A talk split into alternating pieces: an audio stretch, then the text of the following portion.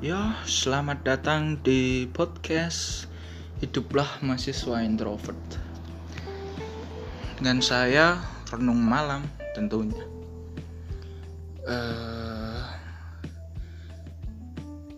sudah beberapa hari ini kita sudah melihat beberapa hal yang sangat apa ya yang mengembarkan Amerika Serikat tentang kematian Mr. George Floyd. Nah, bener gak sih aku nyebutinnya? Maklum uh, orang Indonesia.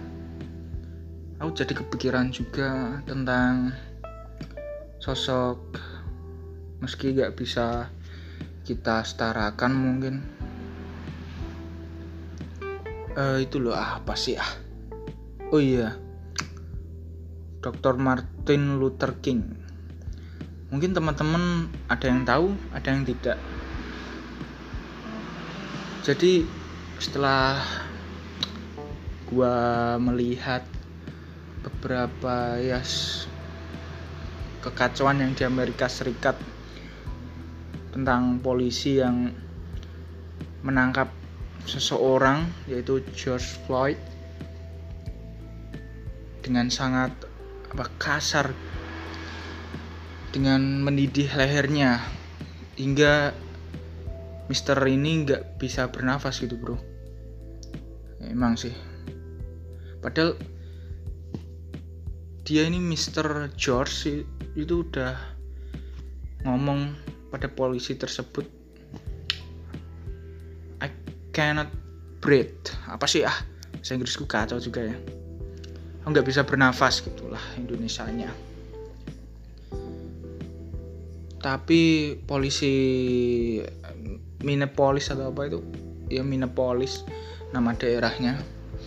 Dia tetap menindih lehernya tanpa memedulikan apa yang dia lakukan gitu loh. Itu sudah tidak menghormati hak asasi manusia. Cuma kita beralih lagi karena aku juga nggak terlalu mengikuti berita tentang tersebut. Buat apa sih kita harus peduli terhadap negara adidaya itu? Kalau negara kita sendiri itu juga pada buta gitu meski ya udah ada upaya dari beberapa aktivis yang mungkin loh aku juga nggak mau nyebutin namanya tentang ya beberapa bulan yang lalu lah.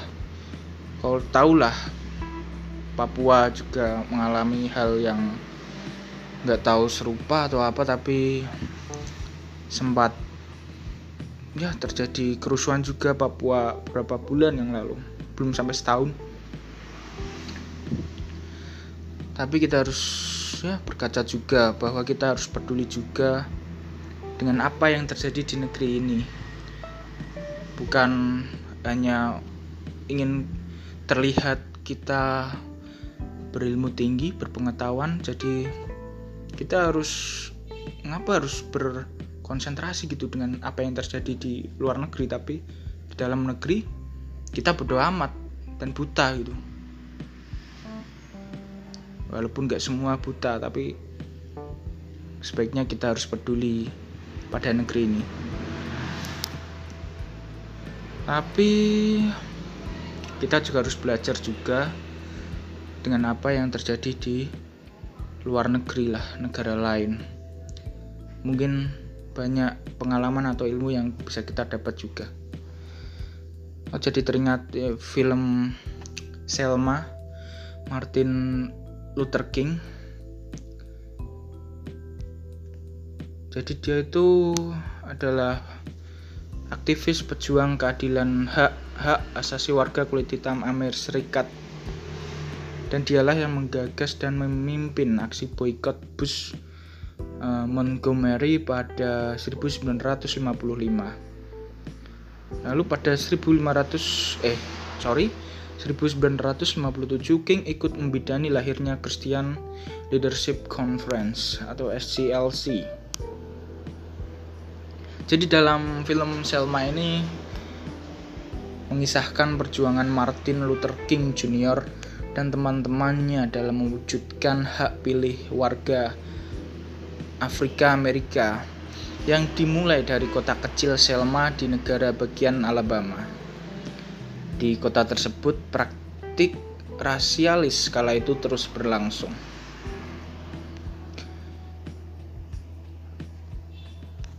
Gue masih ingat skin uh, di film Selma tersebut. Aku sih sudah lupa juga nama tokoh-tokohnya. Ada seorang perempuan mungkin. Parubaya. Nggak tahu apa ya. Kayak di skin itu uh, tentang apa ya? Kalau nggak tentang membayar pajak atau apa gitu sebuah pengadilan di kota tersebut itu memang seakan gimana orang-orang kulit putih itu berlaku sangat diskriminasi seperti itu aku lupa sih juga skin skinnya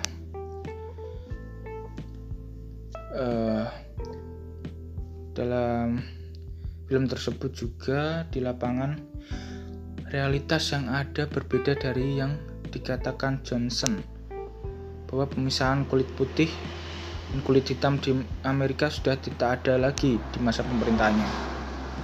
Di negara bagian selatan, kata King, ya Martin, Martin Luther King, intimidasi, penyerangan, bahkan pembunuhan rasial terhadap warga kulit hitam masih banyak. Yang tak kalah penting, negro tetap tak mendapatkan hak memilih atau vote Annie Lee Cooper atau Oprah Winfrey mengalaminya saat mendaftar untuk mendapat kartu pemilihan umum. Oleh karena itu, King mendesak Johnson agar pemerintah federal mengeluarkan undang-undang yang menjamin hak warga kulit hitam untuk bebas memilih, mengakui tindakan rasialnya selama 20 tahun dan menghukum para oknum aparat.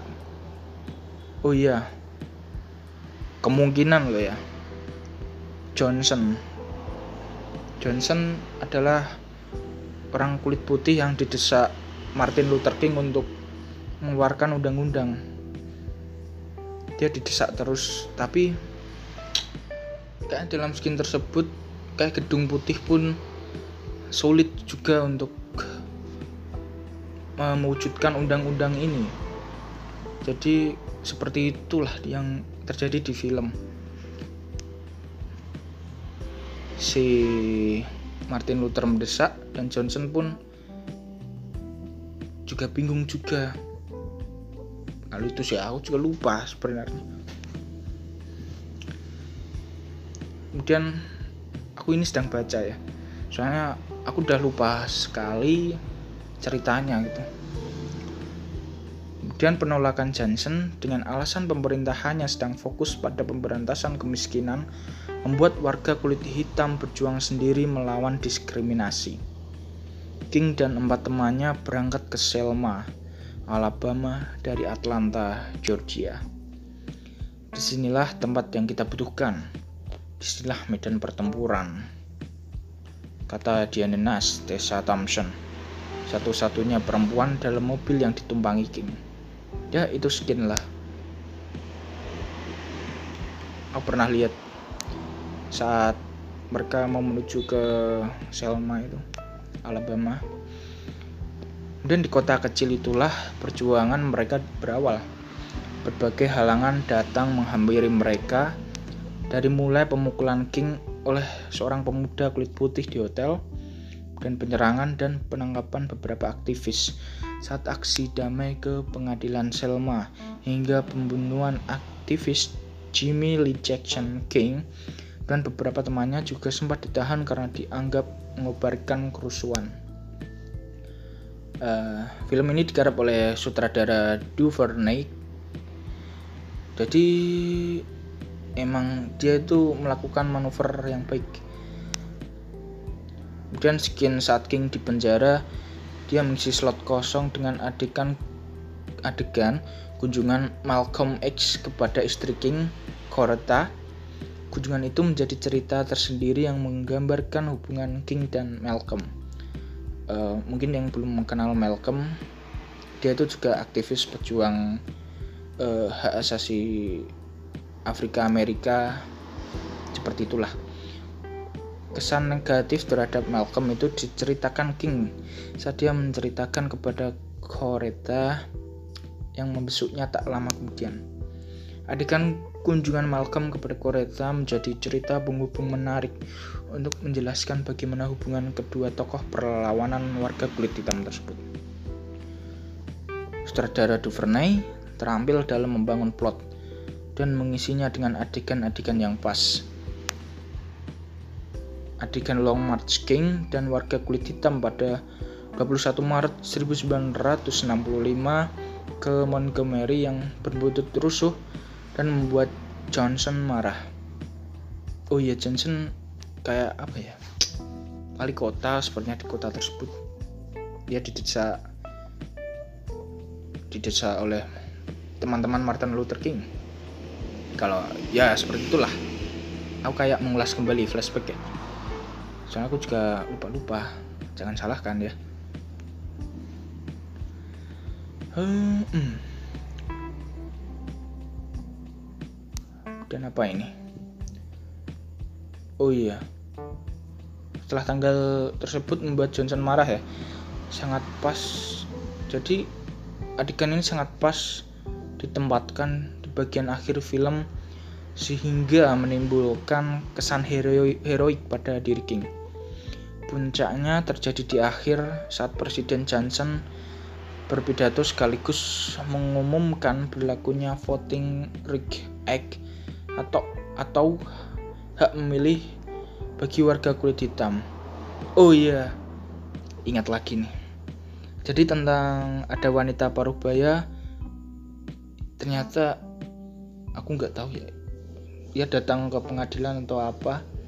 Atau mungkin dia datang ke tempat seperti pemilihan umum. Cuma haknya untuk memilih itu ditolak seperti itu oleh panitia atau apa gitu. Ya oleh orang kulit putih tentunya. Ditolak gitu. Dia jadi parubaya wanita parubaya ini nggak bisa memakai haknya untuk memilih. Seperti itu. Ah ini ada berapa apa ya ini? Ya informasi lah. Diskriminasi dan rasialisme. Memang hingga kini diskriminasi rasial di negeri Paman Sam masih belum tuntas kendati tak sebanyak dan segamblang dulu tapi kejadian serupa masih kerap terjadi. Penyebabnya beragam, mulai hal-hal sepele seperti lebih sukanya polisi menangkap pengguna narkoba kulit hitam ketimbang pengguna kulit putih, hingga tindakan diskriminatif lainnya. Ya, seperti yang kau lihat di adegan tersebut penangkapan George Floyd itu menurutku memang berlebihan sekali. Seakan polisi itu beraksi berasa beraksi di film. Aneh bukan? Ya memang begitulah. Kemudian awal 2015 kota Baltimore dilanda kerusuhan rasial. Kisahnya berawal dari terbunuhnya seorang tahanan kulit hitam di sebuah penjara insiden itu memicu aksi protes yang disertai kekerasan yang mengakibatkan banyak korban luka-luka dan kerusakan parah di kota. Untuk mengatasi keadaan, Gubernur Maryland Larry Hogan menerapkan status keadaan darurat dan mengaktifkan Garda Nasional. 47 tahun silam, kota ini juga mengalami peristiwa serupa. Pembunuhan Martin Luther King Jr pada April 1968 memicu Negro Baltimore melakukan protes keras, penjaraan, dan melawan aparat keamanan.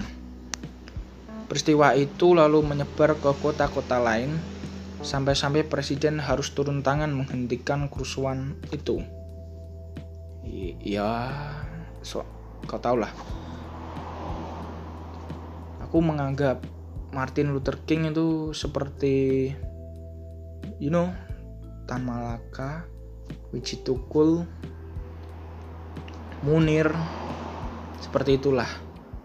Memang mereka uh, apa ya mengungkapkan kebenaran bagi negeri dan kaumnya jadi memang uh, aku sangat apa ya menghargai lah sosok Martin Luther King ini penyebab utama dari peristiwa kerusuhan itu adalah ketidakadilan yang sering diterima oleh warga kulit hitam mereka warga negara kelas 2 yang tak pernah dianggap sebagai prioritas itu pula alasan kenapa mayoritas negro AS miskin.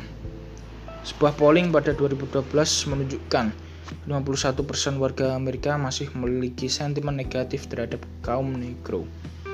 Angka itu meningkat sekitar 3% dari survei pada 2008. Kemudian kita membahas visualisasi dalam film Selma. Sutradara Verney jeli membaca dan menangkap keadaan tersebut. Pemilihan sudut pandang secara tematis pada perjuangan King dan warga kulit hitam Amerika Serikat mewujudkan undang-undang hak memilih warga kulit hitam secara teknik menjadikan film ini menarik tapi juga menghabiskan energi banyak untuk membuatnya. Dia tak terjebak pada biopik yang menjemukkan bertele-tele pada jalur cerita kronologis. Dan yang lebih penting, Sudut pandang Duvernay membuat Selma aktual dengan kondisi Amerika Serikat kini. Wow. Mungkin ia sutradara hebat ya. Jelas hebat sih. Aku merasa ya, you know, ketika sebuah film itu berani mengungkap sebuah sejarah yang kelam. Dia adalah sutradara paling hebat. Kau tahu lah, di Indonesia jarang ada sutradara seperti ini. Paling-paling filmnya ditolak, bro.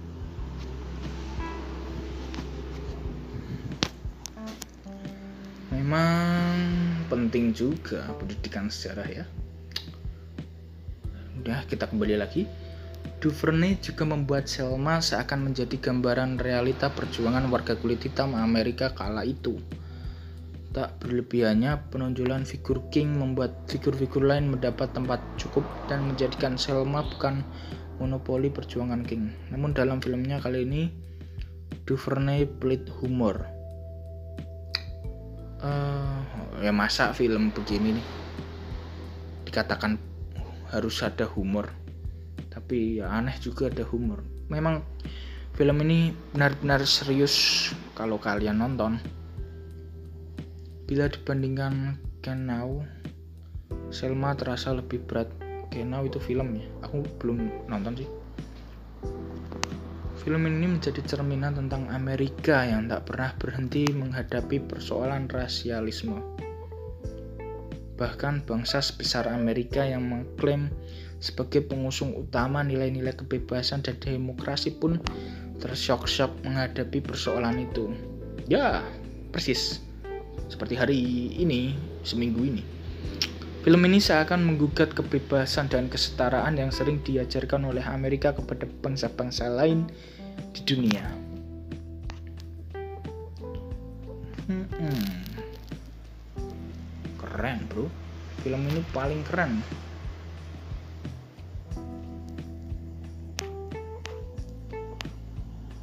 Memang ya bro bro. Krisis rasial itu sangat-sangat krusial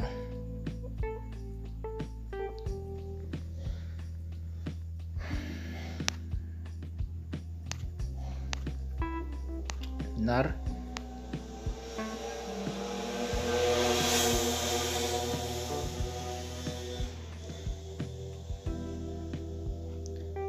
Oke, kita membahas apa sih kelebihan film Selma. Film ini membuat kagum ya. Jadi saat gua nonton emang merasa tertarik dan ingin tahu, Bro. Itu yang pertama. Kemudian dari karakter atau tokoh uh, memang yang menjadi Martin Luther King e, namanya David Oyelowo memang ya sangat gimana ya you, know kayak menjiwai gitu loh. Dengan sosok Martin Luther King dengan pidato-pidatonya yang membakar semangat itu ya sangat menjiwai bahkan adegan film ini rasisme itu begitu kuat pada zaman dulu. Bahkan adegan uh, Bloody Sunday uh, di jembatan apa ya? Aku lupa tuh mungkin bisalah teman-teman cari uh, tragedi Bloody Sunday. 1900 berapa aku lupa juga. Aku orangnya lupa bro. Ya 1900 60-an lah. Kalau dalam film tersebut memang digambarkan aneh ya demokrasi seakan ini seberang jembatan ini orang kulit putih yang Martin Luther King dan teman-temannya itu melakukan long march gitu. Mau menemui wali kota Johnson kayaknya. Dan mereka dihadang itu oleh polisi. Dan orang kulit putih itu masang spanduk bro. Kayak hina-hina orang kulit hitam gitu loh anjir. Apakah itu berlebihan atau memang keadaannya seperti itu? Aku juga nggak tahu juga. Cuma eh, nggak uh, tahu sih. Memang berlebihan sih kayak orang-orang kulit hitam meneriaki orang kulit orang kulit putih meneriaki orang kulit hitam itu kayak hina gitu loh. Jadi kayak keinget Mahatma Gandhi juga bro. Jadi Martin Luther King dan orang kulit hitam lainnya itu berjalan long march menuju jembatan tanpa rusuh. Mereka cuma mau bicara dengan kepala polisi cuma ditolak mentah-mentah lalu dipukul lah dengan kuda dengan tongkat. Kalau film sih bisbol dikasih kawat bro. E, memang keras sih. Kekerasannya itu digambarkan jelas juga. Tapi yang paling nyesek itu kan itu long march pertama. Long march kedua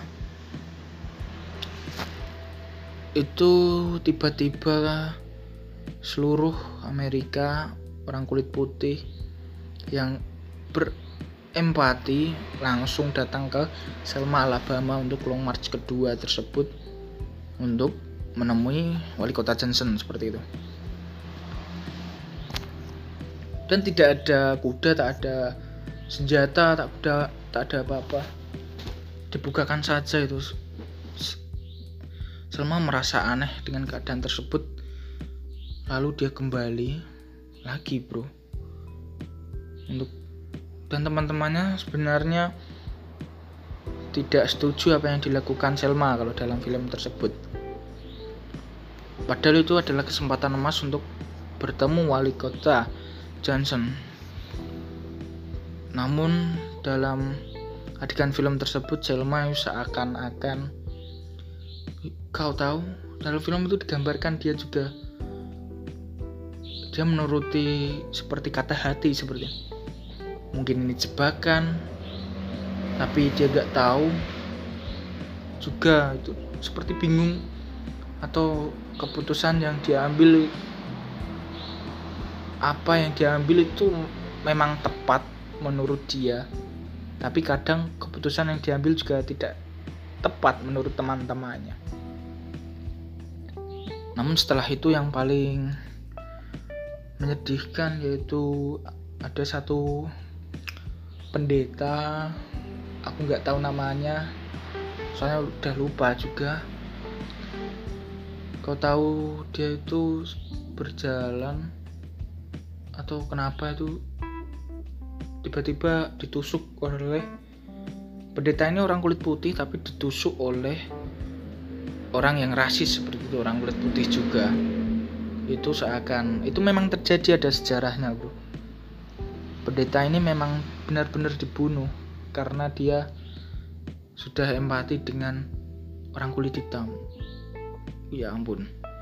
Itu anjay. Itu krisis rasis yang wow. Aneh tapi emang ada gitu.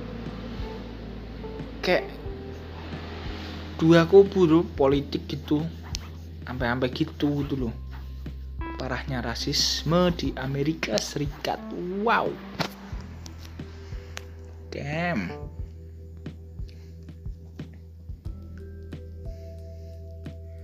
Kemudian uh, ini kekurangan film kalau menurut sensi film ya. Uh, yang dikatakan begini film ini kurang menarik untuk sebagian orang karena sudah terlanjur tidak tertarik dan openingnya kurang membuat penasaran itu tergantung juga sih yang nonton kalau yang nonton emang suka sejarah suka-suka saja itu kalau aku ya Kemudian kedua kekerasan dalam film ini terlalu diperlihatkan. Oh kalau ini aku setuju sih. Lu pasti akan gimana ya? Uh, teriris gitulah ironi ketika melihat film ini. Bahkan ada seorang anak muda pemuda 20 tu, 20 tahunan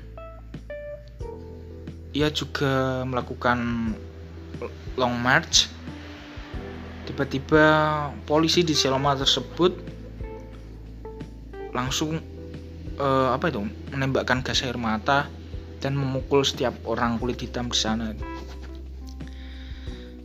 Dia itu datang bersama bapak ibunya dan dia melakukan long march. Karena panik mereka itu masuk ke dalam kafe bar kayak itu supaya nggak ketahuan dan menenangkan orang tua mereka untuk bersikap tenang. Cuma polisi masuk kemudian memukuli kedua orang tuanya sedangkan dia e, mencoba melawan tapi dia ditembak bro. Itu eh sungguh you itu ironi bro. Kau tahu itu anjay itu polisi nembak gitu aja bro. Nggak ditangkap atau apa. Pukul dok dok dok orang kedua orang tua mereka lalu seorang anak ini orang pemuda. Emang pemuda itu gampang dipancing amarahnya tapi ini polisi lebih parah uh, trigger dor kayak gitu. Ke langsung tepat ke dada. Dan kematian pemuda ini uh, membuat Martin Luther King menjadi semakin kuat untuk memperjuangkan hak-haknya itu terjadi sebelum kejadian Bloody Sunday. Mungkin sejarahnya ada pemuda itu atau itu film aku juga gak tahu. Tapi memang digambarkan kekerasan itu sangat kuat sekali dalam film tersebut. Itu bisa kekurangan bisa kekelebihan sih. Tergantung sih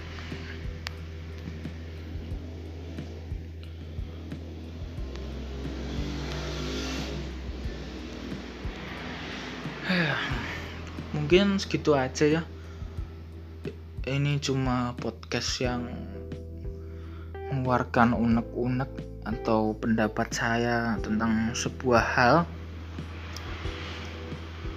Semoga krisis rasial juga tidak terjadi di Indonesia. Entah itu orang antar suku atau antar kulit atau apa pun jangan sampai terjadi di Indonesia karena kita itu lebih you know, plural gitu bro kan orang Indonesia terdiri dari ratusan suku ribuan pulau Semoga krisis seperti Amerika tidak terjadi karena itu benar-benar membuat negeri kita terpecah belah dan seakan dianggap negatif oleh negara lain.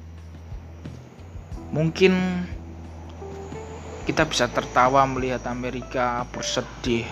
Mungkin ada yang menganggap seperti itu. Itu bercanda tentunya. Yang tertawa gak mungkin lah kita melihat negara lain. Tapi aku juga gak terlalu peduli tentang berita di Amerika juga. Soalnya buat apa peduli? Apa yang terjadi di luar negeri tapi kadang kita tak peduli di dalam negeri. Mungkin seperti itu podcast malam ini wal taufik wal hidayat. Wassalamualaikum warahmatullahi wabarakatuh. Selamat malam. Semoga anda terhibur semoga ini menginformasi pada kalian. Dan tentunya semoga semoga semoga dan semoga.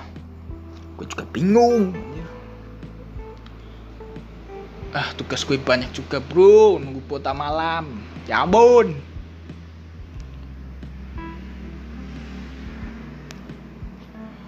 Oke, selamat malam. Assalamualaikum warahmatullahi wabarakatuh. Ciao.